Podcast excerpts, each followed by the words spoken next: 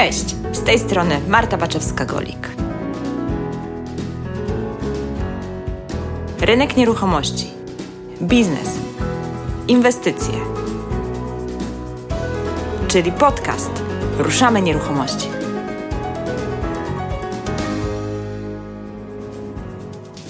Dzień dobry, witamy. Dwie Marty ruszają nieruchomości.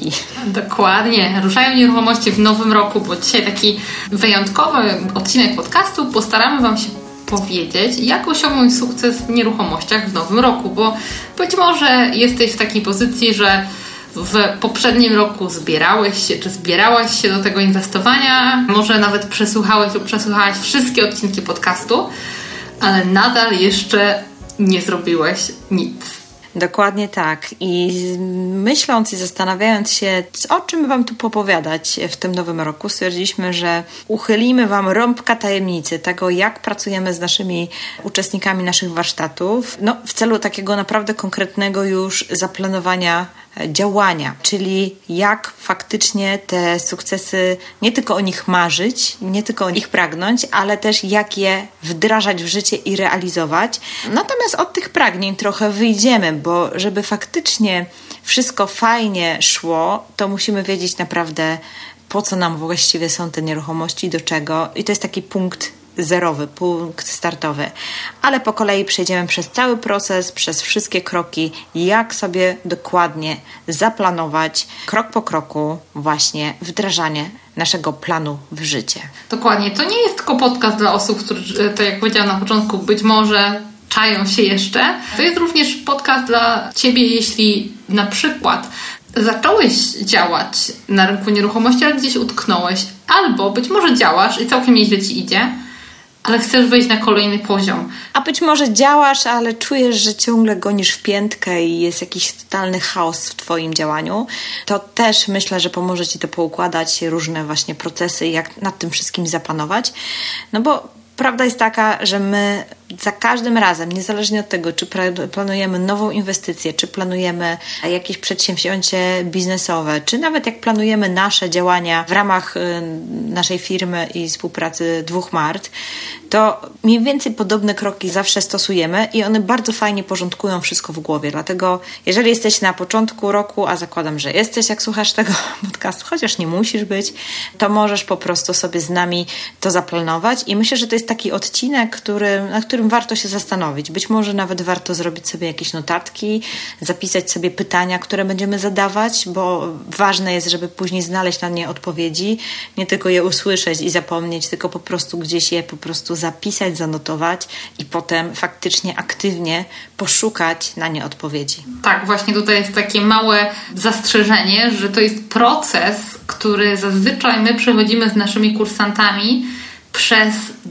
dłuższy okres czasu. No, warsztaty robimy co najmniej jednodniowe, a nawet teraz będziemy robić dwudniowe, więc to y, postaramy się te takie naprawdę kluczowe rzeczy zmieścić w tym podcaście, ale wiadomo, że jest to faktycznie zdecydowanie dłuższy proces.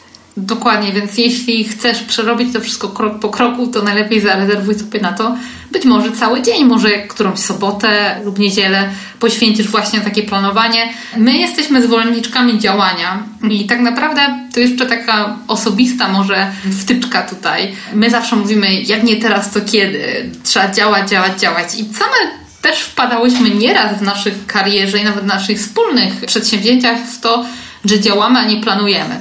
Więc myślę, że jak sobie gdzieś ten jeden dzień czy jeden weekend poświęcisz na to, żeby zaplanować swoje działania, to jest to mała inwestycja w porównaniu z tym, że będzie Ci to służyć być może na 12 miesięcy, być może nawet na dłużej. Zanim zaczniemy konkretnie, to jeszcze może powiem taką anegdotę właśnie z tegorocznych świąt, bo miałam taką sytuację a propos planowania i dlaczego warto na to poświęcić czas i dlaczego warto to sobie zapisać. Miałam taką sytuację, że moje dziecko, mój syn ma teraz 7, 7 lat, mieliśmy taką dosyć dużą wigilię, no i wiadomo, przyszedł Mikołaj i on otrzymał dwa, no dosyć duże, solidne prezenty, ale tylko dwa. Podczas gdy inne dzieci dostały ich e, cztery. Bo tak się akurat złożyło, że gdzieś tam ktoś zapakował jeden prezent na dwie torby i były dwie torby, nie jedna. No generalnie to jest taki wiek, gdzie się liczy ilość, a nie jakość. Widać było, że na, tej, na tym rozpakowaniu tych prezentów, że mu jest no, tak po prostu przykro, że inni dostali tam po cztery czy tam po pięć paczek, a on dostał tylko dwie. No nic, że duże i tak dalej, ale no tak trudno mu było się z tym w ogóle zmierzyć i cieszyć z tych paczek. Ale najbardziej mnie zaskoczyła jego refleksja po y, już y, całym tym rozpakowywaniu prezentów, na drugi dzień przyszedł do mnie i mówi tak, wiesz co mama, ja wiem, dlaczego ja dostałem tylko dwa prezenty. A mówię, no dlaczego? Bo wiesz, ja nie miałem marzeń, nie miałem pragnień i mówi do mnie i nie napisałem listy do świętego Mikołaja. I dlatego Mikołaj przyniósł mi tylko dwa prezenty. I ja sobie tak pomyślałam o taką refleksję w kontekście tego planowania, że trochę tak samo jest z tym planem, że jak napiszesz ten list do Mikołaja, to nie zawsze ci wszystko przyniesie z tej listy, ale naprawdę jest duża szansa, że coś się tam trafi, nie? A jak nie napiszesz, no to skąd ten biedny Mikołaj ma wiedzieć, co ty chcesz? I, i, i co, co ma przynieść? I to jest takie trochę przyniesienie prezentów, wtedy tra- na, na chybił trafił. I tak samo jest z tym planem, jak sobie go nie zaplanujesz tego roku, tych wydarzeń, tego wszystkiego, co, co chcesz, żeby w tym roku y, się wydarzyło, no to może się okazać, że najzwyczajniej najzwyczajniej świecie e, po prostu no, rok ci przyniesie coś na chybił trafił. Więc niekoniecznie to, co tak naprawdę byś chciał. Więc weźcie sobie do serca tą analogię, bo myślę, że to jest bardzo fajna historia.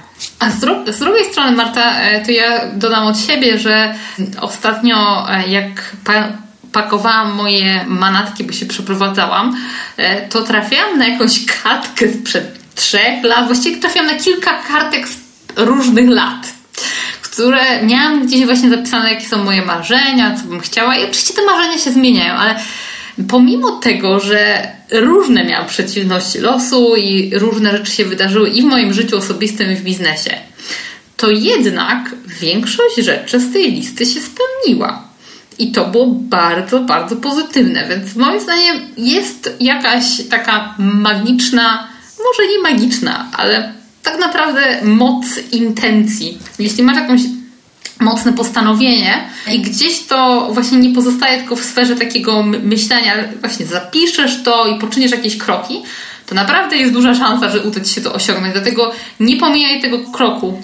Tak, ja, ja, nawet zauważyłam, że nie wszystko się udaje zrealizować w danym roku, ale ja widzę, że ja te moje plany realizuję w kolejnym, czyli tak jakby gdzieś tam one muszą czasami dojrzeć do pewnych e, rzeczy. No, różne sytuacje, wiadomo, w ciągu rok przynosi, e, ale prawda jest taka, że, że gdzieś tam finalnie, w końcu jest efekt, tak? Być może opóźniony, ale jest. Natomiast jak faktycznie nie pomyślisz, nie zastanowisz się, czego tak naprawdę chcesz, od czego chcesz w ogóle zacząć i co mają ci przynieść, i co ma ci przynieść ten kolejny rok. Jeżeli mówimy o nieruchomościach, to oczywiście czego chcesz tak naprawdę od tych nieruchomości i jakie one mają dać ci efekt finalny, czym ma się to zakończyć tak naprawdę. Jeżeli o tym nie pomyślisz i najlepiej jeszcze, jeżeli sobie tego w ogóle nigdzie nie zapiszesz i nawet sobie tylko pomyślisz, to jest szansa, że zapomnisz o tym, bo gdzieś tam pamięć jest ulotna. A jak gdzieś to sobie umieścisz przed sobą albo w jakimś takim notatniku, gdzie od czasu do czasu przeglądasz te swoje notatki, to po prostu y, będzie do ciebie wracać to twoje pragnienie w postaci takiej namacalnej gdzieś tam podświadomość twoja będzie chciała zacząć działać, żeby w tym kierunku iść. No i tak możemy od razu płynnie przejść od tego naszego przydługawego wstępu do konkretnego procesu konkretnych kroków, bo pierwszym krokiem jest, jeśli zapisujesz, uwaga, odpowiedź na pytanie, które Marta zadaje wszystkim naszym uczestnikom warsztatów, grupy mastermind i tak dalej, czyli do czego cię te nieruchomości mają doprowadzić? I to jest mega ważne pytanie. Szczerze mówiąc, ja sobie go nie zadałam, jak zaczynałam moją karierę w nieruchomościach, ale e, myślę, że i tak naprawdę czasami w biznesie miałam podobne rzeczy, że e, różne przedsięwzięcia nie zawsze przemyślane, bo robiłam coś, bo mi się wydawało, że tak powinnam, albo bo inni robią. Tak naprawdę ten krok nie pomijaj go naprawdę, zanim przejdziemy do tych konkretnych, strategicznych kroków i badania rynku i tego wszystkiego, to usiądź i zastanów się, czego ty tak naprawdę pragniesz. O co ci tak naprawdę w życiu chodzi? Bo to tak naprawdę wpłynie na kolejne kroki, czyli zdeterminuje Twoją strategię, zdeterminuje Twój sposób działania, czy inwestujesz jako dodatkowe źródło dochodu, czy inwestujesz jako inwestor na pełen e, etat, czy właśnie Twoje inwestowanie ma zastąpić swoją pracę etatową, czy ma być tylko właśnie jakimś, nie wiem, dodatkiem do emerytury. Wszystko zależy od tego, co tak naprawdę jest Twoim pragnieniem. I uwaga, akcent jest na słowo Twoim, bo łatwo jest bardzo wpaść w pułapkę podążania za cudzymi marzeniami. I to jest coś, co chyba każdy człowiek w pewnym momencie na to wpadł, i czy w tą, w tą pułapkę wpadł. Ja nieraz też, na przykład ja mam bardzo małe potrzeby tak naprawdę, jeśli chodzi o takie materialne. Uwielbiam podróżować i to rzeczywiście jest takie moje, ale jeśli chodzi z kolei o takie, takie mm, oznaczniki z typowego statusu materialnego inwestora, to w ogóle tego nie mam. Ale gdzieś wpadłam w taką pułapkę parę lat temu, że ojejku, trzeba pracować, trzeba mieć większe, trzeba mieć całe imperium tych nieruchomości, no bo wypada mieć taki dom, taki samochód i takie, takie różne rzeczy. A sobie pomyślałam, ja tak naprawdę wcale tego nie potrzebuję. Ja nie potrzebuję mieć dużego imperium, więc e, nie potrzebuję. Mój, mój mąż kiedyś ładnie powiedział, że jak budujesz imperium, to masz, że tak powiem, problemy na skalę imperium również, więc gdzieś tym to jest, więc zastanów się. Dokładnie, czego tak naprawdę chcesz, i to jest w ogóle bardzo ważne pytanie. I mam wrażenie, że jeżeli w ogóle jesteś taką osobą, która się mota, pomiędzy tym, w którą drogą pójść. A może podnajmy, a może najem na doby, a może flipy, a może najem długoterminowy, a może jeszcze w ogóle jakaś inna, a może w ogóle biuro nieruchomości chcesz otworzyć. Nie mam pojęcia. Jeżeli się motasz i wydaje ci się co chwilę, nie wiem, gdzieś pojedziesz na jakieś spotkanie i, i, i z kimś rozmawiasz, kto robi jakąś fajną, ciekawą rzecz i ma fajne efekty, to za każdym razem masz takie poczucie, ojejku, może ja też bym mogła czy mógł to robić. I to mi się wydaje, że to jest właśnie efekt ten taki brak zdecydowania, ten taki, e, takie rozchwianie, w którą stronę ja mam pójść, którą drogą podążać, to jest właśnie efekt braku odpowiedzi na to pierwsze pytanie. Bo jak ty nie wiesz tak naprawdę, wiesz, że chcesz robić nieruchomości, ale tak naprawdę nie wiesz po co i co one mają ci dać, jakie mają być efekty i do czego mają cię w życiu doprowadzić, jaki styl życia ci dać, albo może jakieś poczucie bezpieczeństwa i tak dalej, i tak dalej. No jeżeli tego nie wiesz, no to najzwyczajniej w świecie później yy, z wyborem strategii jest właśnie tego typu problem, bo gdzie nie pojedziesz i coś się zaświeci, to stwierdza, że to jest dobry pomysł dla ciebie na biznes. Dlatego jest to tak ważne pytanie. Ja wiem, że to tak się wydaje, że to jest mało istotne, ale one jest naprawdę szalenie ważne, żeby sobie znaleźć odpowiedź, czego ja tak naprawdę chcę od tego całego nieruchomościowego biznesu, bo odpowiedź na to pytanie ukierunkuje Twoje dalsze działania i to i po prostu przestaniesz szymotać, a nie ma nic gorszego. Ja uważam, że to jest w ogóle najgorszy stan w życiu, jaki można, e, w jakim można przebywać. To ja mówię, to jest taki stan zwany rozkrokiem trochę tego, trochę tego, trochę tu, trochę tam i w sumie właściwie nigdzie, e, więc, e, więc żeby uniknąć właśnie tej takiej, e, tej, tej, tego takiego mentalnego rozkroku, nazwijmy to, w którą stronę mam pójść w tych nieruchomościach, no to musisz sobie zadać to pytanie i musisz znaleźć na nie odpowiedzieć. I, i to uwaga, i to nie znaczy, że to będzie odpowiedź na całe życie, że ty później nie będziesz mógł tego zmienić, bo jak sobie raz powiesz, że chcesz pasywny dochód i, i najlepiej to zbudować na najmach długoterminowych i potem wpadnie ci jakaś super okazja na flipa, to ty nie możesz jej zrobić. Możesz, tylko chodzi o to, żebyś wiedział, na czym jest twoja koncentracja i wokół tego budować strategię, a jakieś inne rzeczy, które wyjdą przy okazji, jeżeli ocenisz że w trakcie, że to są fajne okazje i że warto w nie wejść, to dlaczego nie? Często mówimy o tym, żeby łączyć strategię, więc to wcale nie chodzi o to, że możesz robić tylko jedną strategię. O strategii też zaraz jeszcze powiemy. Natomiast na pewno warto pochodzić sobie z takim pytaniem. I to się wydaje takie banalne pytanie, ale powiem, powiem Wam, że często sama uczę się różnych rzeczy. Się uczę nie tylko nieruchomości, ale też biznesu. E, dużo spędzam czasu na pracę z moimi przekonaniami, na taką trochę bardziej duchową, psychologiczną pracę.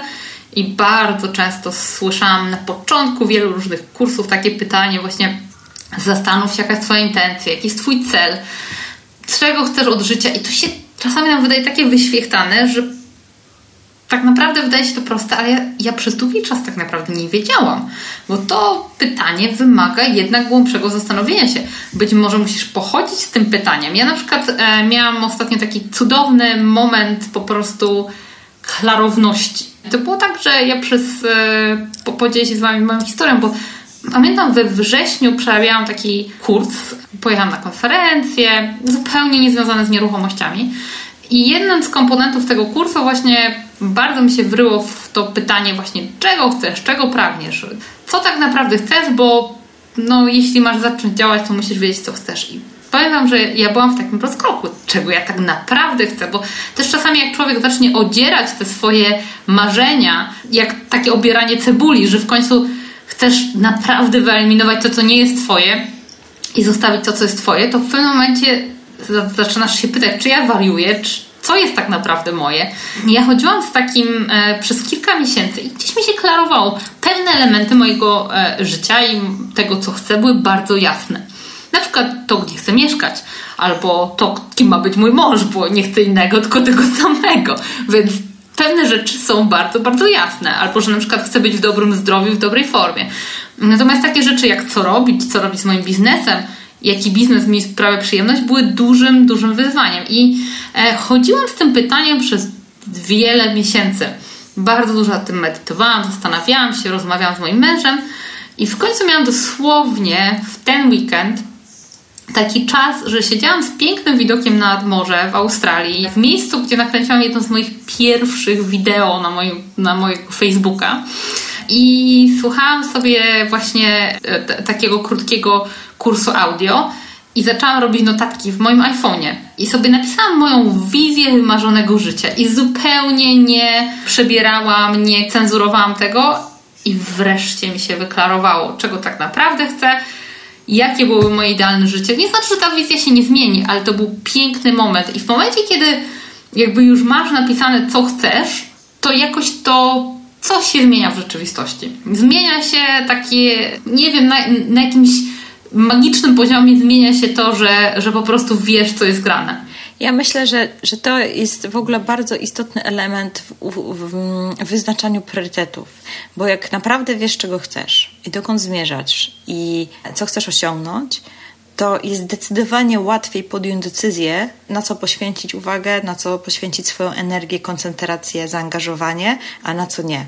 Dzisiaj, kiedy my mamy tak naprawdę największy problem z czasem, tak na dobrą sprawę. To jest, to jest chyba w ogóle naj, towar najbardziej deficytowy, gdzie jest tyle rzeczy. Mamy 50 tysięcy książek na półkach zaległych do przeczytania, ileś tam e, programów. Ja mam po prostu na Netflixie taką długą listę filmów do obejrzenia, których pewnie nigdy nie obejrzę wszystkich tych, co sobie tam zaznaczyłam, tylko od czasu do czasu jakiś i tak dalej, i tak dalej. I mamy tak dużo rzeczy i tak dużo rozpraszaczy w życiu i z drugiej strony chciałoby się i pojechać, i zwiedzić, i przeczytać, i napisać może coś, nie wiem, stworzyć, wykreować i tak dalej. Tego wszystkiego jest tak wiele, że jak nie wiesz, gdzie chcesz iść, to naprawdę można się bardzo zagubić. Można po prostu wpaść w totalną rozsypkę. Można nigdy w ogóle nie dotrzeć, można w ogóle nigdy nie odkryć tak naprawdę tego swojego takiego e, prawdziwego pragnienia. No i wtedy to życie jest takie trochę frustrujące. Ale prawda jest taka, że no, e, słuchajcie, na, na warsztatach robimy naprawdę bardzo dużo takich e, ćwiczeń procesowych, gdzie właśnie wiele osób sobie odpowiada na te ważne pytania. I o tyle jest fajnie na takim warsztacie, jest dużo łatwiej niż, e, niż ty, chociaż możesz to zrobić sam w tej chwili. To to, że po prostu prostu masz wyjęte dwa dni z życiorysu i nad niczym innym się nie zastanawiasz. A w momencie, kiedy teraz słuchasz tego podcastu, to przypuszczam, że jedziesz gdzieś autem albo robisz 1500 innych rzeczy w międzyczasie tak zwanym. Ja bynajmniej tak słucham. Biegam, znaczy albo jakieś spacery, albo rower, albo gotowanie, albo sprzątanie, albo coś tam. Zazwyczaj te podcasty się łączy z czymś tam, z jakąś aktywnością i nie ma tej takiej przestrzeni, że okej, okay, dobra, to teraz siadam i się zastanawiam i odpowiadam na to pytanie. Zachęcamy Cię do tego, żebyś to zrobił, ale jeżeli nie jesteś w stanie wyklarować sobie tej przestrzeni w, w ciągu dnia, to, to naprawdę zapraszamy na nasze warsztaty, bo to jest właśnie ten czas, żeby sobie odpowiedzieć na te najważniejsze pytania. Wiesz co, coś w tym jest, bo powiem, że teraz, tak powiem, przyszedł mi moment eureka, że to takie wyjęcie się z zwyczajnego życiorysu naprawdę sprzyja. Powiem Ci, e, dlaczego mi przyszła taka klarowna wizja i to jest bardzo prosta wizja. Ona ma dosłownie nawet bym nie zapisała jednej kartki A4. To jest, to jest krótkie, bo, bo mam bardzo kilka ważnych priorytetów. Ale powiem Ci, dlaczego w tym momencie mi to wreszcie na mnie spłynęło. Bo masz rację. Wszystkich moich kursów online, wszystkich podcastów słucham najczęściej przy okazji, przy pracowaniu, przy, przy prasowaniu, sorry, bo lubię, lubię, to jest jedyne, jak nie deleguję prasowania, to lubię e, mieć mobilizację, wtedy nie zasypiam, oglądam coś, słucham. Albo jak jadę samochodem i wtedy rzeczywiście dojadę do mojego celu i zapominam. Natomiast w tym momencie miałam wygospodarowany czas, bo byłam na wyjeździe, na weekendzie, spokojnym i to było zupełnie, zupełnie co innego, więc rzeczywiście ten pierwszy punkt, nie pomijaj go, jest bardzo ważny i z, daj sobie na niego czas. I kolejna rzecz, to pamiętam, że na warsztatach jedna z dziewczyn podeszła do ciebie i mówi, a ty mam tak głęboko? tak. no tak. tak, pamiętam, że dziewczyny, dziewczyny były zaskoczone, no nie tylko dziewczyny, chociaż nie, bo to akurat byliśmy przy, przy jakiejś konferencji kobiecej, więc, więc, e, więc faktycznie tam miałyśmy dziewczyny na tym warsztacie, ale oczywiście zapraszamy też również panów. Słuchajcie, i przechodzimy do kolejnego punktu, bo myślę, że tutaj już dużo opowiedziałyśmy o tym, ale lecimy dalej, bo tego podcastu naprawdę nie skończymy. Kolejny punkt jest taki, jak już znasz odpowiedź na to pytanie, dopiero wtedy przejdzie do kolejnego punktu, bo to jest bardzo ważne, bo kolejne pytanie brzmi tak. Dlaczego jeszcze tego nie masz? Dlaczego nie masz jeszcze w życiu tego, o czym pragniesz? Co cię powstrzymywało do tej pory przed zrobieniem, osiągnięciem tego sukcesu? I to jest kolejne głębokie pytanie. Znowu głęboko trzeba, ale może już bardziej tak. To jest takie trochę też pytanie o zasoby. To jest też takie pytanie o zasoby, ale też może nawet jeszcze nie o zasoby, ale o takie w głowie Twoje przekonania. O, może to jest lepsze stwierdzenie. To jest pytanie o Twoje przekonania, bo być może Twoim powodem, dla którego tak naprawdę jeszcze tego nie osiągnęłaś, nie osiągnąłeś, jest to, że najzwyczajniej w świecie czegoś się boisz. Na przykład, i to mogą być takie lęki nie na zasadzie, że nie wiem, boję się, że nie, nie wiem, wpadnę pod samochód albo coś tam, ale to mogą być takie lęki trochę ukryte, zakamuflowane, typu, że na przykład, a nie wiem, pochodzisz z jakiejś rodziny, w której całe życie się mówiło, że, że przedsiębiorcy są beznadziejni, że w ogóle jak nie ukradniesz miliona, to po prostu nie osiągniesz sukcesu. To mogą być jakieś takie e, przekonania, które degradują tą pozycję pozycję takiego bycia człowiekiem sukcesu, pomimo, że z jednej strony chciałbyś lub chciałabyś tym człowiekiem sukcesu, mieć ten swój własny sukces, o którym marzysz, który pragniesz, to swoje własne e, szczęście, takie to zawodowe nazwijmy to, bo mówimy tu w kontekście zawodowym dzisiaj, ale z drugiej strony z jakiegoś powodu ciągle go nie osiągasz. Gdzieś tam coś cię trzyma, jakaś taka guma od szelki, która po prostu się troszkę może rozciągnie czasami w kierunku sukcesu, ale zaraz e, po prostu ściąga z powrotem. Zrobisz trzy kroki do przodu, dwa do tyłu i tak w kółko. I bardzo często to są właśnie takie nasze mm, hamulce, blokady w głowie, jakie mamy. I one często wynikają właśnie wręcz, sięgają nawet jakichś takich e, sytuacji z dzieciństwa, nawet jakichś takich e, sytuacji, które po prostu no, gdzieś tam w nas ukształtowało i podświadomie nad tym pracujemy, że, że po prostu, nie wiem, no, bycie tym takim człowiekiem bogatym, sukcesem, który żyje w obfitości, to jest tak naprawdę niefajne. Że przecież miłość jest najważniejsza, pieniądze nie są ważne. No i te wszystkie inne slogany, które e, w życiu znamy, które powtarzamy i tak dalej, i tak dalej. Czasami to mogą być małe rzeczy, tak jak mówisz, z dzieciństwa. Ja na przykład e, ostatnio też zaczęłam właśnie grzebać w sobie i, i przypomniało mi się, że jak dorastałam, to miałam bardzo negatywne e, zdanie gdzieś wpajane przez e, moich rodziców i dziadków na temat e, ludzi, którzy są bogaci. To było coś takiego niedostępnego, że my to jesteśmy tacy przeciętni, nie wychylaj się. To była jedna rzecz. A kolejna rzecz to pamiętam takie zdarzenie. E, udzielałam korepetycji z angielskiego, jak miałam dosłownie 15 lat. I e, robiłam to w mojej wiosce, gdzie dorastałam, gdzie byli bardzo bogaci ludzie i oni płacili za te lekcje dla swoich dzieci. I wyobraźcie sobie, nie wypłacili mi mojej ostatniej wypłaty. I to była jakaś głupia suma, nie 50-100 zł, ale tak mnie to, że tak powiem, myślałam sobie, ci bogaci ludzie to są naprawdę skurczybyki. To oni nie fajnie. Tak naprawdę teraz jak chciwi Mogło być tak, że oni zapomnieli, mogło być tak, że powinnam się upomnieć. Nie wiem. Już nie pamiętam tej sytuacji, pamiętam tylko, że, że, nie, że nie dostałam tych, tej małej sumy, a dla mnie to była wtedy duża suma, jako dla kogoś, kto dorastał. Więc tego typu rzeczy mogą być, ale mogą być to również dobrze inne rzeczy. Nie musisz od razu iść na kozetkę do psychoanalityka i leżeć i, że tak powiem, grzebać w dzieciństwie, bo powód może być dużo bardziej prozaiczny. Być może na przykład w swoim dorosłym życiu miałeś jakąś porażkę, może ci się nie udało w biznesie na przykład, bo w biznesie to można bardzo łatwo polecieć i my obie mamy przykłady ze swojego życia, gdzie biznes układa się gorzej niż e, chciałyśmy, ale uwaga, nieruchomości, pomimo że można też prowadzić biznes w nieruchomościach, to jednak nieruchomości nie są takie ryzykowne jak biznes, więc tutaj strach przed, przed tym może być e, trochę przerysowany i tak naprawdę ryzyko jest dużo mniejsze, pomimo że czasami obracasz dużo większym kapitałem. Więc czasami to mogą być też inne takie strachy, no bo nieruchomości, duży kapitał, więc może ci się wydawać, że a co jak stracę? A może to być tak, że na przykład długo oszczędzasz i bardzo sobie szanujesz pieniądze, które gdzieś tam skumulowałeś i po prostu boisz się puścić je w obieg. Boisz się zainwestować, bo sobie myślisz, a co, bo, bo stracę. A być może jest na odwrót. Być może masz mały kapitał i musisz e, doposiłkować się jakimś kredytem i myślisz sobie, Jezu, kredyt mam wziąć? A co jak wpadnę w dług? I różne są ręki. My, my kiedyś robiliśmy cały e, webinar, pewnie go być może go powtórzymy na temat właśnie lęków, więc nie chcemy tutaj wchodzić, że tak powiem, w każdy e, lęk. Natomiast czasami są rzeczy, które nas powstrzymują na zewnątrz i o nich za chwilę powiemy e, w kolejnym kroku, a czasami to, co nas powstrzymuje, to wcale nie jest brak zasobów, to wcale nie jest brak kapitału, to wcale nie jest brak czasu, bo jeśli czegoś chcesz, to zasoby naprawdę jesteś w stanie wygospodarować, też za chwileczkę Ci powiemy jak.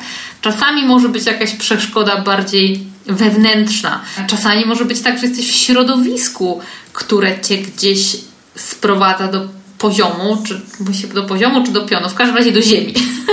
może na przykład, nie wiem, twój mąż czy twoja żona cię nie, nie wspierają. My się spotykamy w naszej, e, że tak powiem, przygodzie ze szkoleniem różnych osób z taką sytuacją wiele, wiele razy, że ktoś bardzo chce, ale mówi, ale mój partner, moja partnerka mnie nie wspiera.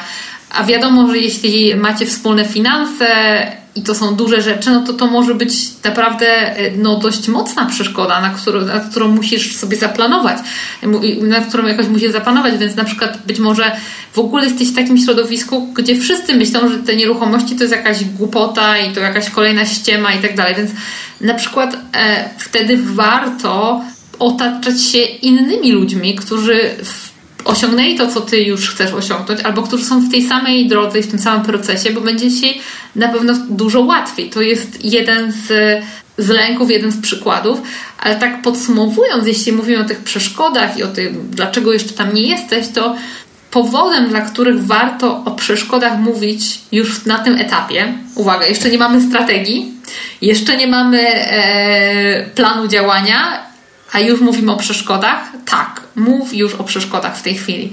Bo jeśli jesteś w stanie przewidzieć to, co cię może zatrzymać, to jesteś w stanie się z tym zmierzyć, zanim to jeszcze powstanie. To jest takie, e, to jest takie dobre planowanie. Tak, prawda jest taka, że, że uświadomienie sobie w ogóle tych przeszkód już dużo zmieni sam fakt, że po prostu uświadomisz sobie, że tak, i, i szczerze sam przed sobą po prostu przyznasz, tak, mam, nie wiem, lęk przed tym, boję się tego, a mam taką obawę czy, czy inną, albo tak, mam takie przekonanie, które mnie nie wspiera, tak, mam, nie wiem, partnera czy partnerkę, która mnie nie wspiera. Uświadomisz, że tak naprawdę to, to ta osoba, ta, ta partnerka, czy ten partner, czy te twoje przekonania cię blokują, to to jest taki pierwszy krok do uzdrowienia. To jest taki pierwszy krok do zmiany, bo jak sobie uświadomisz, że to jest tylko twój mentalny świat, że tak naprawdę, że to, czego się boisz, to jest tylko i wyłącznie w twojej głowie, no to zdasz sobie sprawę, że skoro to jest w twojej głowie, to tylko ty możesz to zmienić. Nikt więcej, no bo nikt twojej głowy nie zmieni. To ty możesz sam, ty możesz sama popracować ze swoimi przekonaniami, ze swoją głową i po prostu te, te, te, te rzeczy, które właśnie cię gdzieś tam mentalnie blokują i powodują, że, że pojawia się jakiś lęk, najzwyczajniej w świecie przezwyciężysz. No i, i tutaj znowu powiem, że, że też sporo fajnych ćwiczeń robimy na warsztatach, ale też Też zachęcam Cię do wysłuchania podcastu z Pawłem, z doktorem Pawłem Fortuną, którym właśnie mówiłem o tym, jak radzić sobie z lękiem przed porażką. Też bardzo fajny e, materiał, może Ci tu pomoże, ale dopóki sobie nie zdasz sprawy z tego, w ogóle czego się obawiasz, o, może tak, jeżeli dopóki sobie tego nie zdefiniujesz i nie zapiszesz, no to ciężko jest w ogóle z tym pracować, bo jeżeli to będziesz cały czas skrywać, ukrywać i tak naprawdę udawać, że się nic nie dzieje i nie spojrzysz tym swoim lękom czy przekonaniom głęboko w oczy, to po prostu trudno jest z nimi cokolwiek zrobić. I dodam tutaj jeszcze tak e, na marginesie, bo moim zdaniem to też jest bardzo ważne, żeby nie biczować się, e, bo mam lęk, bo każdy z nas ma te lęki i każdy z nas ma trochę inne i Lęk jest takim towarzyszem, który w pewien sposób e, no, jest gdzieś zawsze. Kiedyś słyszałam super analogię, która powiedziała, że jak to jest z tym lękiem? To jest tak, że wskakujesz do samochodu i jedziesz w kierunku tych swoich pragnień, tych swoich marzeń, tak jak w kroku pierwszym. I teraz pytanie. Lęk może się pojawić. Zazwyczaj czasami siedzi na tylnym siedzeniu, próbuje gdzieś cię tu udusić i próbuje cię tak, że tak powiem, udusić, że ty wysiadasz z samochodu, najlepiej porzucasz samochód i zwiewasz gdzieś w zupełnie innym kierunku. I teraz sztuką jest jechać do tego celu, do tych swoich pragnień, mimo że lęk siedzi gdzieś tam na tylnym siedzeniu. Być może zepchniesz go do bagażnika, ale nadal on gdzieś tam jest i się czai. Natomiast najważniejsze to jest to, żeby uświadomić sobie, że nie jesteśmy jakimiś super ludźmi, jesteśmy tylko ludźmi i jeśli, jeśli wydaje Ci się, że my to się nie boimy, to się mylisz, bo też się mierzymy ze strachem i myślę, że na warsztatach to jest też fajny moment, bo kiedy pracujemy nad tymi różnymi właśnie lękami, tym co nas powstrzymuje, to zazwyczaj uświadamiamy sobie, że inne osoby obok nas mają bardzo podobne lęki, a czasami mają takie lęki, które nasze są zupełnie inne i być może ja się myślę, dlaczego ta osoba się boi tego, przecież to jest proste, a ja się boję czegoś, co dla kogoś jest zupełnie nielogiczne, więc e, nie biczuj się ze względu na swoje lęki. Naprawdę jest mnóstwo ćwiczeń, które możesz wykonać, żeby przekształcić lęk na pozytyw, natomiast nie chcemy się tutaj rozwodzić nad tymi nieprzyjemnymi rzeczami, takimi jak lęki, więc przejdziemy do kroku trzeciego, który jest dużo bardziej pozytywny. Nie chcemy się rozwodzić, ale trzeba sobie uświadomić, że często to, co nas blokuje, to jest właściwie tylko i wyłącznie nasza ta sfera mentalna. Jak się od niej uwolnisz, ją sobie uświadomisz i zwolnisz przestrzeń w, tej, w, w, głowie swojej na to, żeby jednak zrobić pierwszy krok, no to tym takim pierwszym krokiem, jeszcze to jest moment przed wyborem strategii, jeszcze to jest moment przed zaplanowaniem, jest zrobienie takiego, my to sobie nazywałyśmy, remamentu wszelkich zasobów, jakie posiadasz.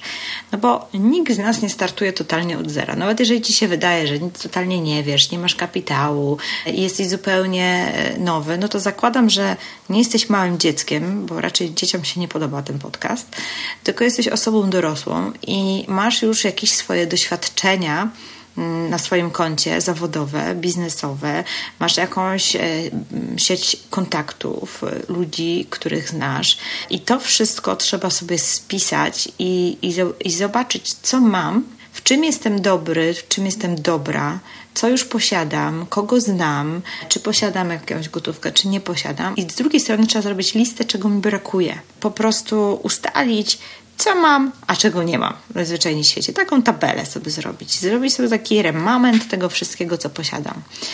I teraz, co może być zasobami, Marta? Takie trzy podstawowe zasoby to jest czas. Ten czas jest taki po macoszemu traktowany, jest bardzo ważny. Kapitał, to jest bardzo oczywiste.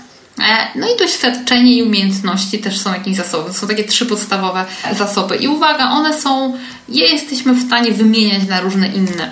Więc jeśli na przykład masz dużo czasu, ale masz mało doświadczenia w branży, to możesz sobie po prostu w tym Twoim wolnym czasie zbudować to doświadczenie, czy zdobyć umiejętności, których potrzebujesz. Podobnie z kapitałem. Jeśli masz kapitał, ale na przykład nie masz czasu, no to jesteś w stanie za ten kapitał kupić sobie czas, bo po prostu wydelegujesz pewne zadania. Są takie podstawowe zasoby, ale tak naprawdę zasobami mogą być Twoje kontakty i to niekoniecznie są kontakty w branży, bo tak jak Marta mówiła, no chyba, że, że jesteś osobą, która przez ostatnie 20 lat e, była na pustyni i, e, że tak powiem, była jakimś pustelnikiem, no to za, zawsze jakieś zasoby będziesz mieć nawet jeśli, nie wiem, spędziłeś ostatnie lata życia w zakonie, to też będziesz mieć jakieś znajomości, bo pewnie kogoś stamtąd znasz. Natomiast e, jeśli masz e, zwykłą pracę, zwykłą rodzinę, zwykłe kontakty społeczne, no to zawsze masz jakieś zasoby, zawsze kogoś znasz. Założę się, że znasz kogoś, kto jest, nie wiem, hydraulikiem, a może znasz kogoś, kto jest prawnikiem, a może znasz kogoś, kto jest e, doradcą kredytowym albo agentem nieruchomości.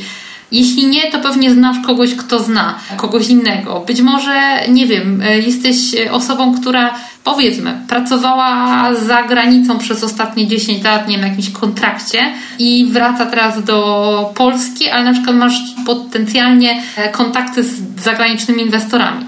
Być może masz e, doświadczenie w pracy w korporacji i być może wiesz, jak zarządzać zespołem, możesz to przełożyć, więc fajnie sobie popatrzeć na te swoje umiejętności, zdolności, to co mam i to, czego mi brakuje, w takim bardzo obiektywnym świetle I, i, i po prostu czasami ja używam takiej skali od 1 do 10 i na warsztatach też to często robimy, gdzie łatwo możemy się ocenić na tej skali i po co robimy to? No nie po to, żeby się zdołować, tylko żeby wiedzieć, nad którymi, że tak powiem, dziedzinami warto popracować, a na, na których warto bazować, bo fajnie jest e, oprzeć swoją strategię o swoje mocne strony, a z drugiej strony, jeśli na przykład brakuje Ci jakiegoś ważnego zasobu, powiedzmy kapitału Ci brakuje, nie masz kasy.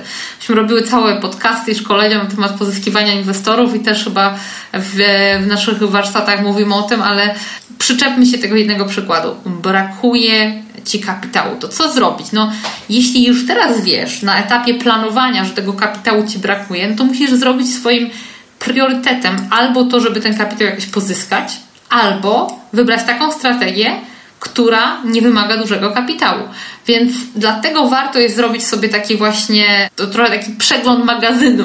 Ale ten przegląd jeszcze tak trochę rozszerzyć o to, w czym jestem dobry, a, a z czym sobie słabo radzę, bo to jest też e, element taki, który pomoże Ci później zadecydować, co trzeba uzupełnić. O, bo być może weźmiesz się za projekt, do którego będziesz kogoś zapraszać do współpracy. To też warto wiedzieć, mm, jakie ta osoba musi mieć zasoby. I tu mówię nie tylko o pieniądzach, i nie mówię o zasobach postaci, nie wiem, konkretnych materialnych, chociaż mogą być po prostu tylko inwestorzy, którzy dają e, gotówkę, ale być może na przykład, nie wiem, e, weźmiesz się za strategię flipowania, a totalnie się nie znasz na remoncie i może warto wejść we współpracę z kimś, kto się na tym zna, a ty masz na przykład smykałkę do wyszukiwania okazji i po prostu nawiązywania kontaktów i tak dalej, a ktoś inny e, do budowania. Ja teraz tak próbuję roz, rozwinąć współpracę z moim mężem w kontekście budowania, gdzie ja wiem, że na samym tym procesie budowlanym, no to to jest moja pięta Achillesa. Pewnie zanim bym się tego nauczyła, to by mi minęło trochę czasu i pewnie bym popełniła mnóstwo błędów.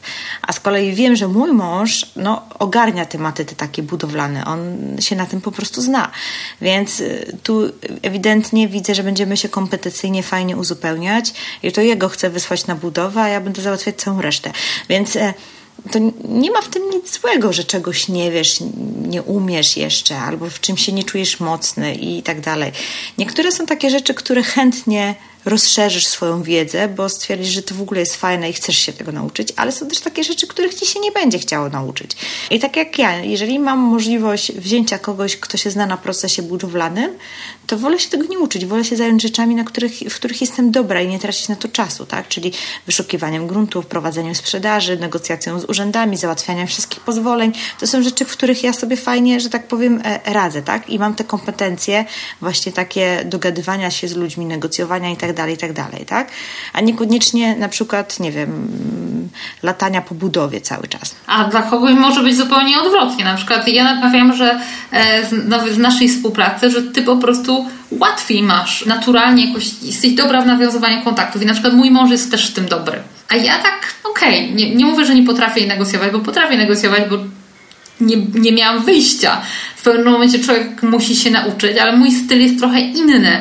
Ja nie czuję się naj, najbardziej komfortowo na przykład właśnie w nowych kontaktach biznesowych. To nie jest moja mocna strona. No, na przykład jestem bardzo dobra w byciu orga, zorganizowanym i w tym, że w pilnowaniu tej administracji. A dla kogoś to może być najgorszy koszmar, więc fajnie docenić swoje dobre strony i zobaczyć, gdzie rzeczywiście, tak jak Marta wspomniałaś, że gdzie e, warto podnieść swoje kompetencje, bo będą takie dziedziny, gdzie pomyślisz, warto zainwestować w moją edukację, rzeczywiście chcę się tego douczyć, bo to mi się przyda.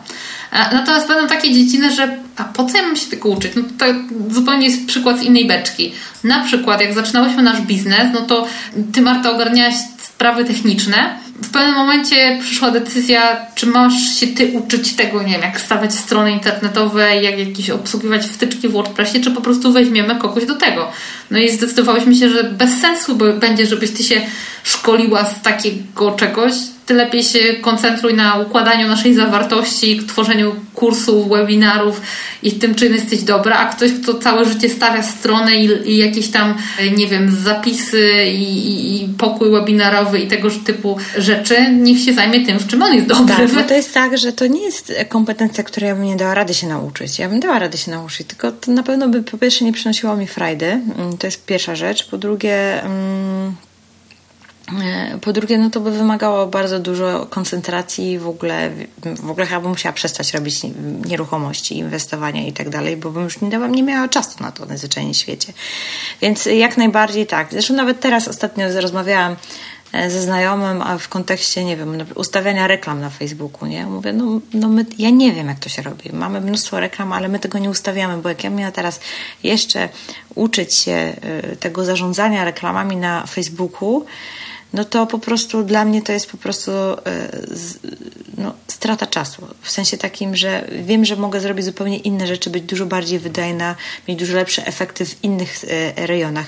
I dlatego jest bardzo ważne, żebyś odpowiedział lub odpowiedziała sobie na te pytanie co masz, a czego ci brakuje. I tu nie tylko w kontekście tych takich zasobów materialnych pod tytułem, czy mam kasę, czy nie mam kasy, ale też właśnie w takim kompetencyjnym zakresie. Czyli jeżeli na przykład masz problem w określeniu, w czym jestem dobra, no to warto w ogóle kogoś zapytać. Może osoba, z którą pracujesz e, w pracy, E, ona na pewno zauważa dużo zupełnie inne rzeczy niż ty masz, myślisz o sobie. Więc warto o to zapytać. Także to też są ba bardzo ważne pytania w kontekście budowania właśnie swojego planu na sukces, bo e, sukces się sam nie robi. Sukces my robimy. I teraz, żeby go zrobić, to my musimy mieć jakieś zasoby, albo jeżeli ich nie mamy, to wiedzieć, y, co musimy uzupełnić i w jaki sposób. Niektóre rzeczy być może będziesz musieć się doszkolić i czegoś się po prostu nauczyć sam, a być może niektóre rzeczy zlecisz komuś, po prostu wynajmiesz kogoś, wyoutsourcujesz, a być może będziesz mieć właśnie wspólnika, który uzupełni e, to, ten twój brak. Także to jest bardzo, bardzo ważne. I właściwie dopiero jak masz odpowiedzi na te trzy pierwsze pytania, dopiero tutaj przechodzimy do momentu, w którym zaczynamy się zastanawiać nad nieruchomościami. E, znaczy, wcześniej zastanawialiśmy się nad nieruchomościami w sensie takim, co chcemy, żeby one nam dały, a teraz musimy się zastanowić i zadać sobie pytanie: OK, jeżeli chcę, na przykład, jeżeli chcę mieć za 3 lata dochód pasywny na poziomie, nie wiem, 15 tysięcy miesięcznie, no to teraz musisz się zastanowić, jaka strategia ci tam najszybciej doprowadzi.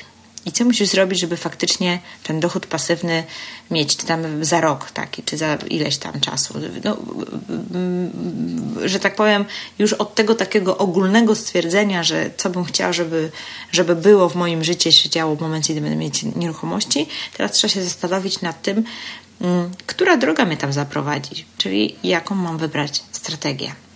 I ta strategia będzie oczywiście zdeterminowana przez te wszystkie poprzednie czynniki, no bo strategii nie możesz wybierać w oderwaniu od Twoich zasobów i kompetencji i nie możesz wybierać tego oczywiście w oderwaniu od tego, do, dokąd chcesz dojść, więc tutaj ten krok jest mega, mega ważny. To jest krok, który my na szkoleniach stacjonarnych bardzo e, głęboko rozwijamy, bo przechodzimy przez wszystkie strategie, jakie są, szczególnie te najpopularniejsze, czyli flipy, najem, podnajem, różne odmiany tego najmu, ale też różne takie strategie, które nie wymagają dużego kapitału, jak właśnie deal sourcing czy jakieś zarządzanie projektem, ponieważ to, jakie są strategie i na czym one polegają, możesz znaleźć w naszych różnych innych materiałach, to tutaj o tym nie będziemy mówić, tylko tak krótko przypomnimy, że strategia musisz wybrać właśnie w oparciu o swoje zasoby i to, czego chcesz, oraz w oparciu o to, co się dzieje na rynku.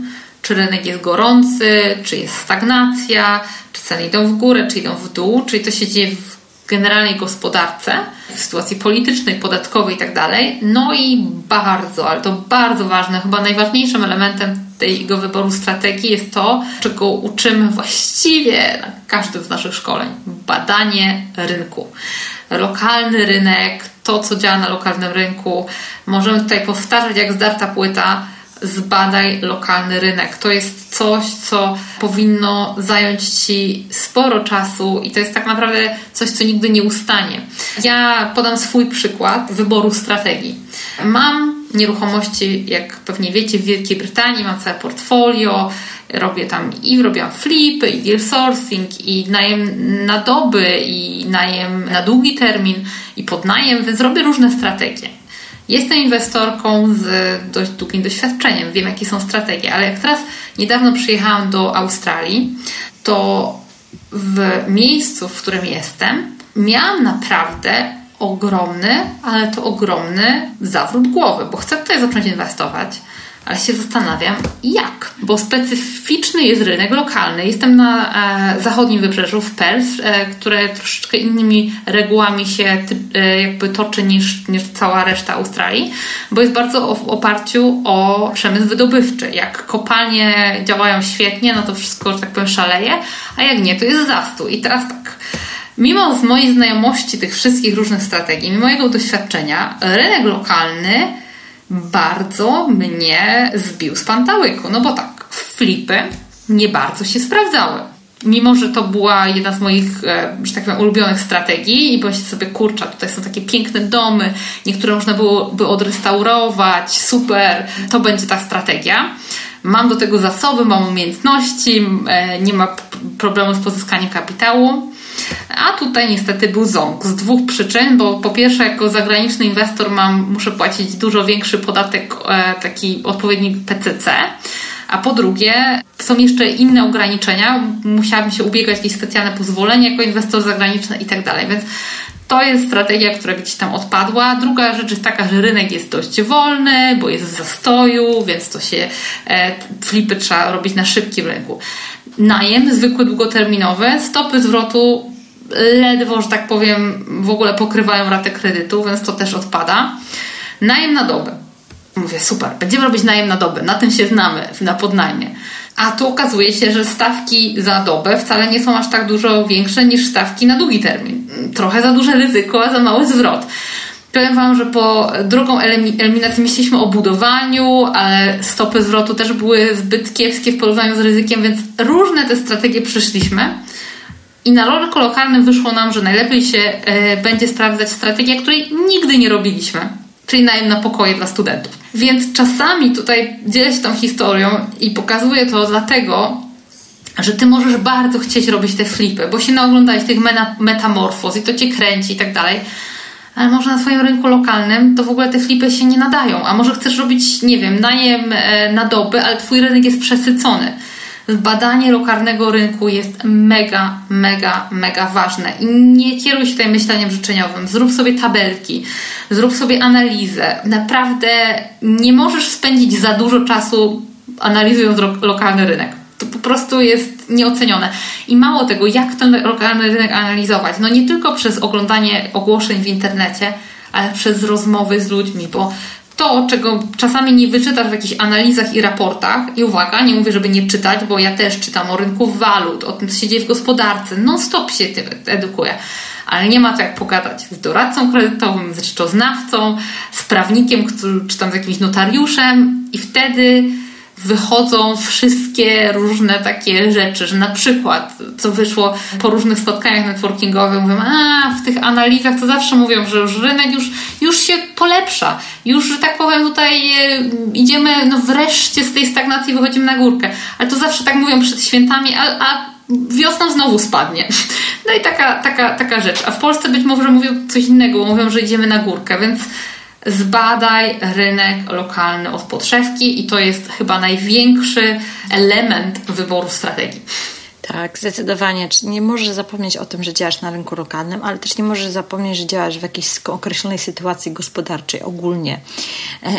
I na to też trzeba zwrócić uwagę, zwłaszcza jeżeli mówi się, że na przykład od nowego roku zmienią się jakieś przepisy, jakieś podatki, jakieś być może ograniczenia wejdą. Teraz na przykład w przypadku najmu na doby jest tak, że dużo się mówi o tym, że być może właśnie wprowadzone zostaną jakieś ograniczenia. Trzeba być naprawdę bardzo czujnym, bo są rzeczy takie, które jeszcze na Twoim lokalnym rynku super działają, ale po tych zmianach może wszystko siąść.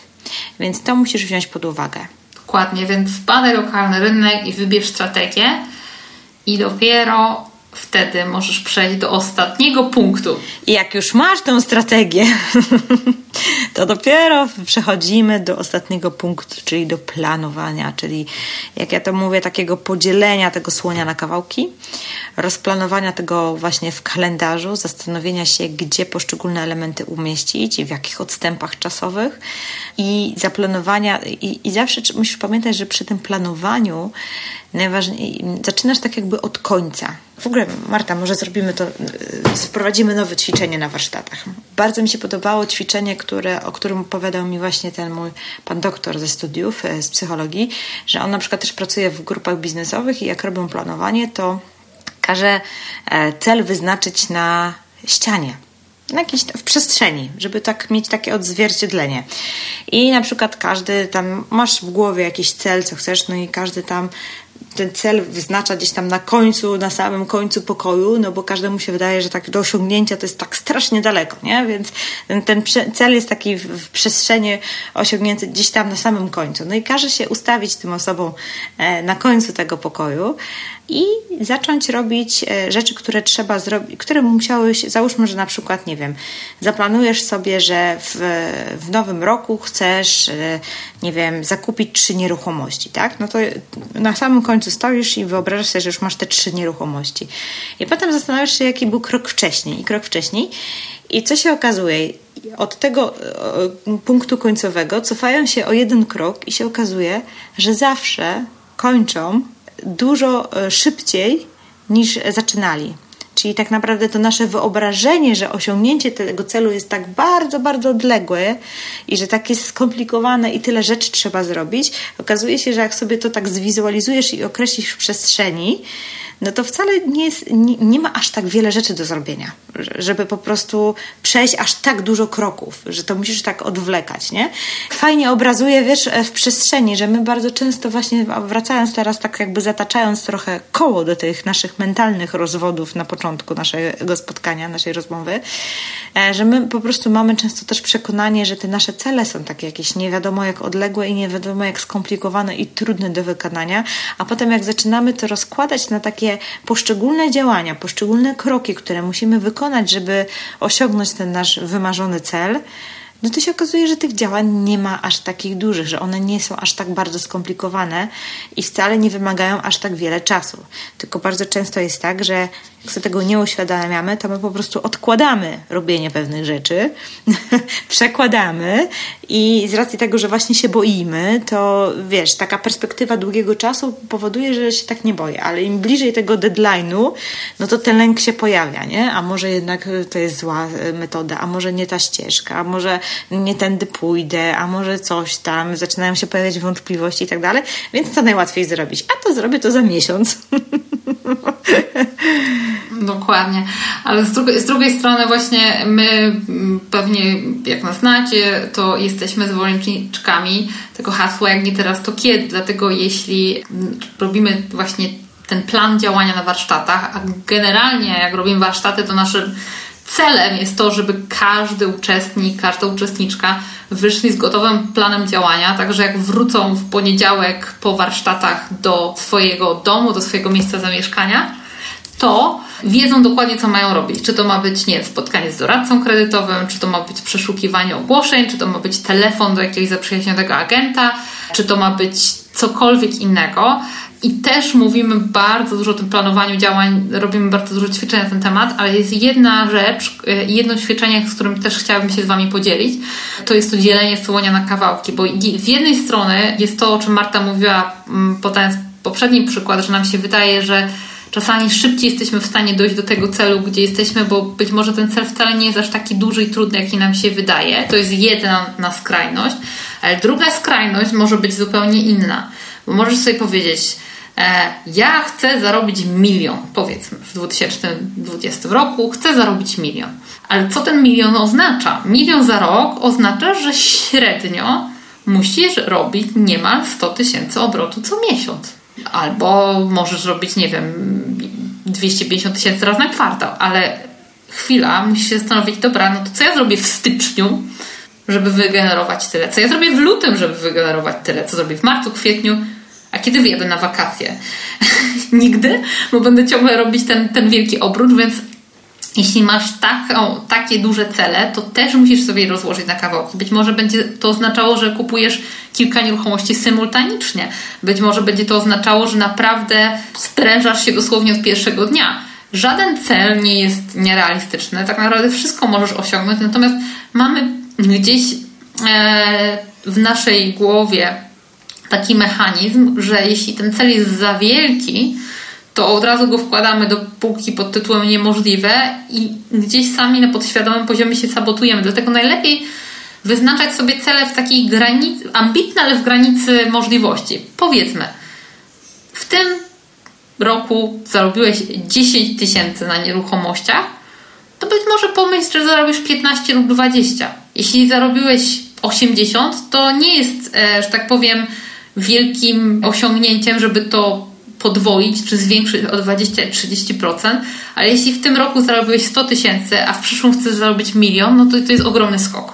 Nie znaczy, że nie jest możliwe, natomiast być może będzie Ci trudno, więc czasami to wprowadzanie skali, szczególnie w nieruchomościach, musi być czymś przemyślanym i co się odbywa krok po kroku, bo nieruchomości to nie jest, e, że tak powiem, sprzedaż produktów info na, na, na, na, w internecie czy sklep Amazon, gdzie możesz, że tak powiem, e, od razu zwiększyć marketing i zwiększyć obroty, bo to nie jest zupełnie ta dziedzina.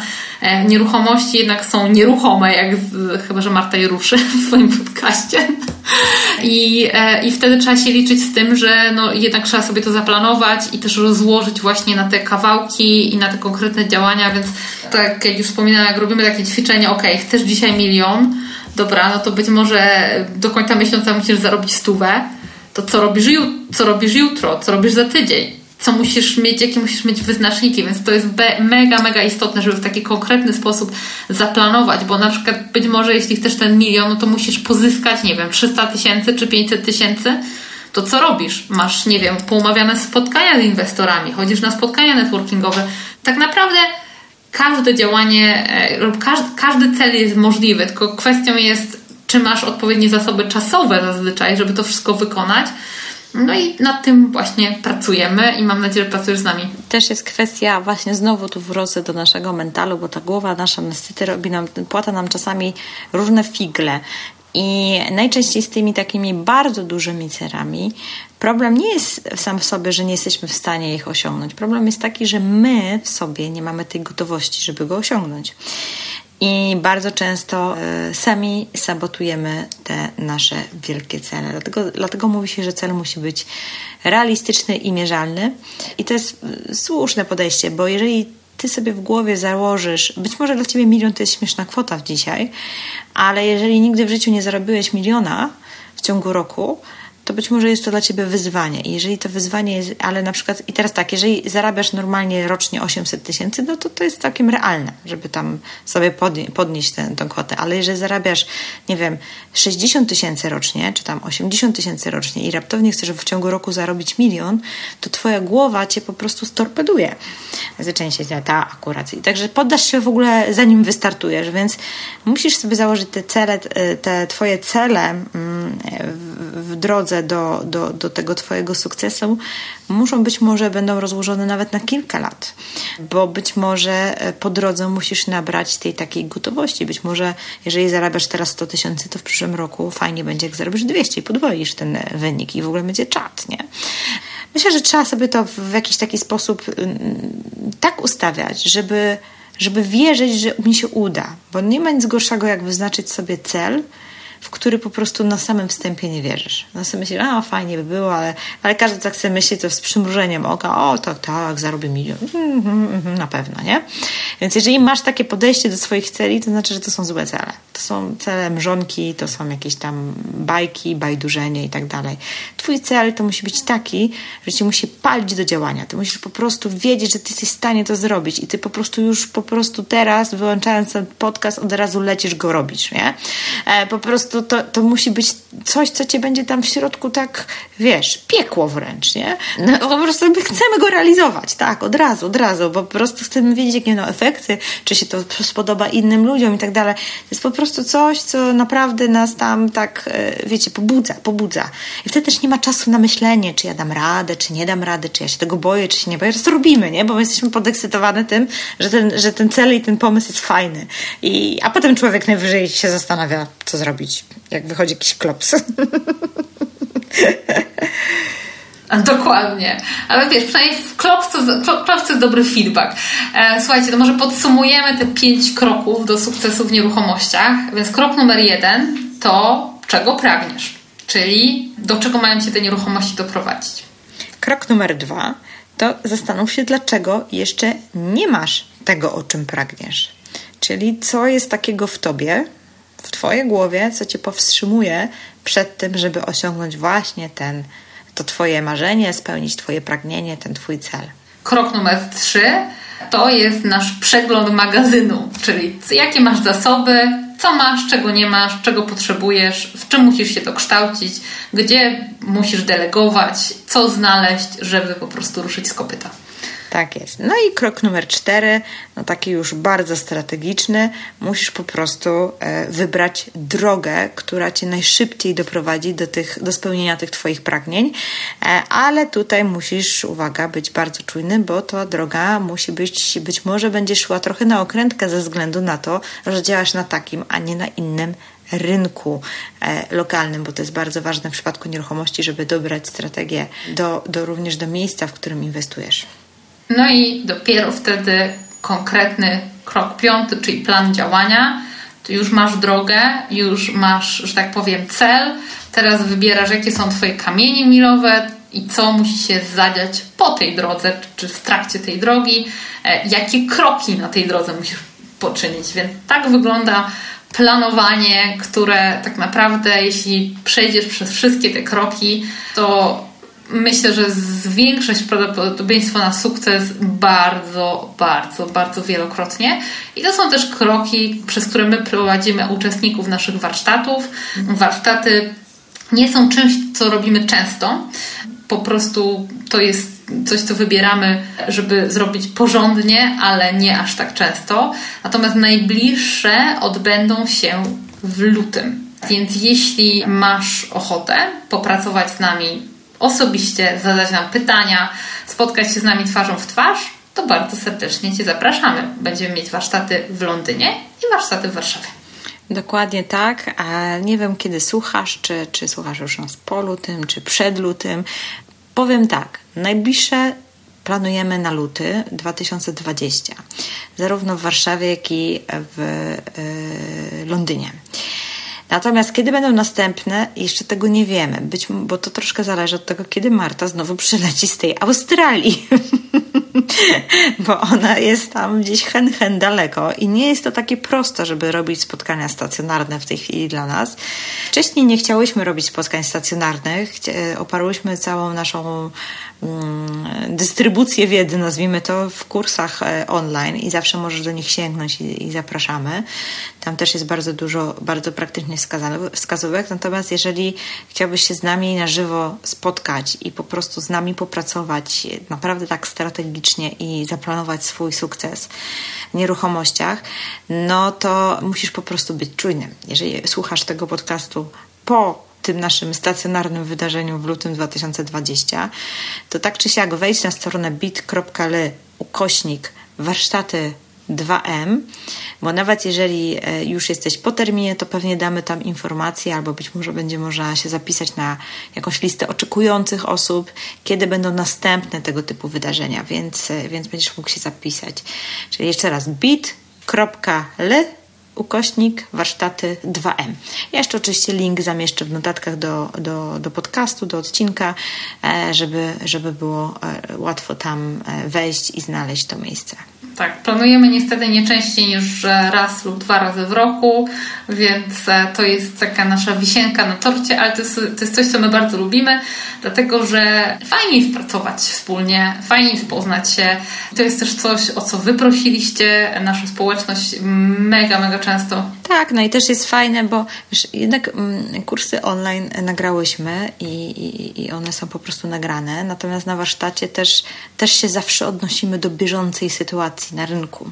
Momentu, w którym jesteśmy w danym no i te wskazówki, które udzielamy, czy nawet jak robimy przegląd strategii, to też mówimy, które są teraz dobre, na jakim rynku i, i co się dzieje w danej sytuacji. My jesteśmy w stanie się do tego odnieść tak na żywo i po prostu faktycznie do sytuacji, w której jesteś tu i teraz.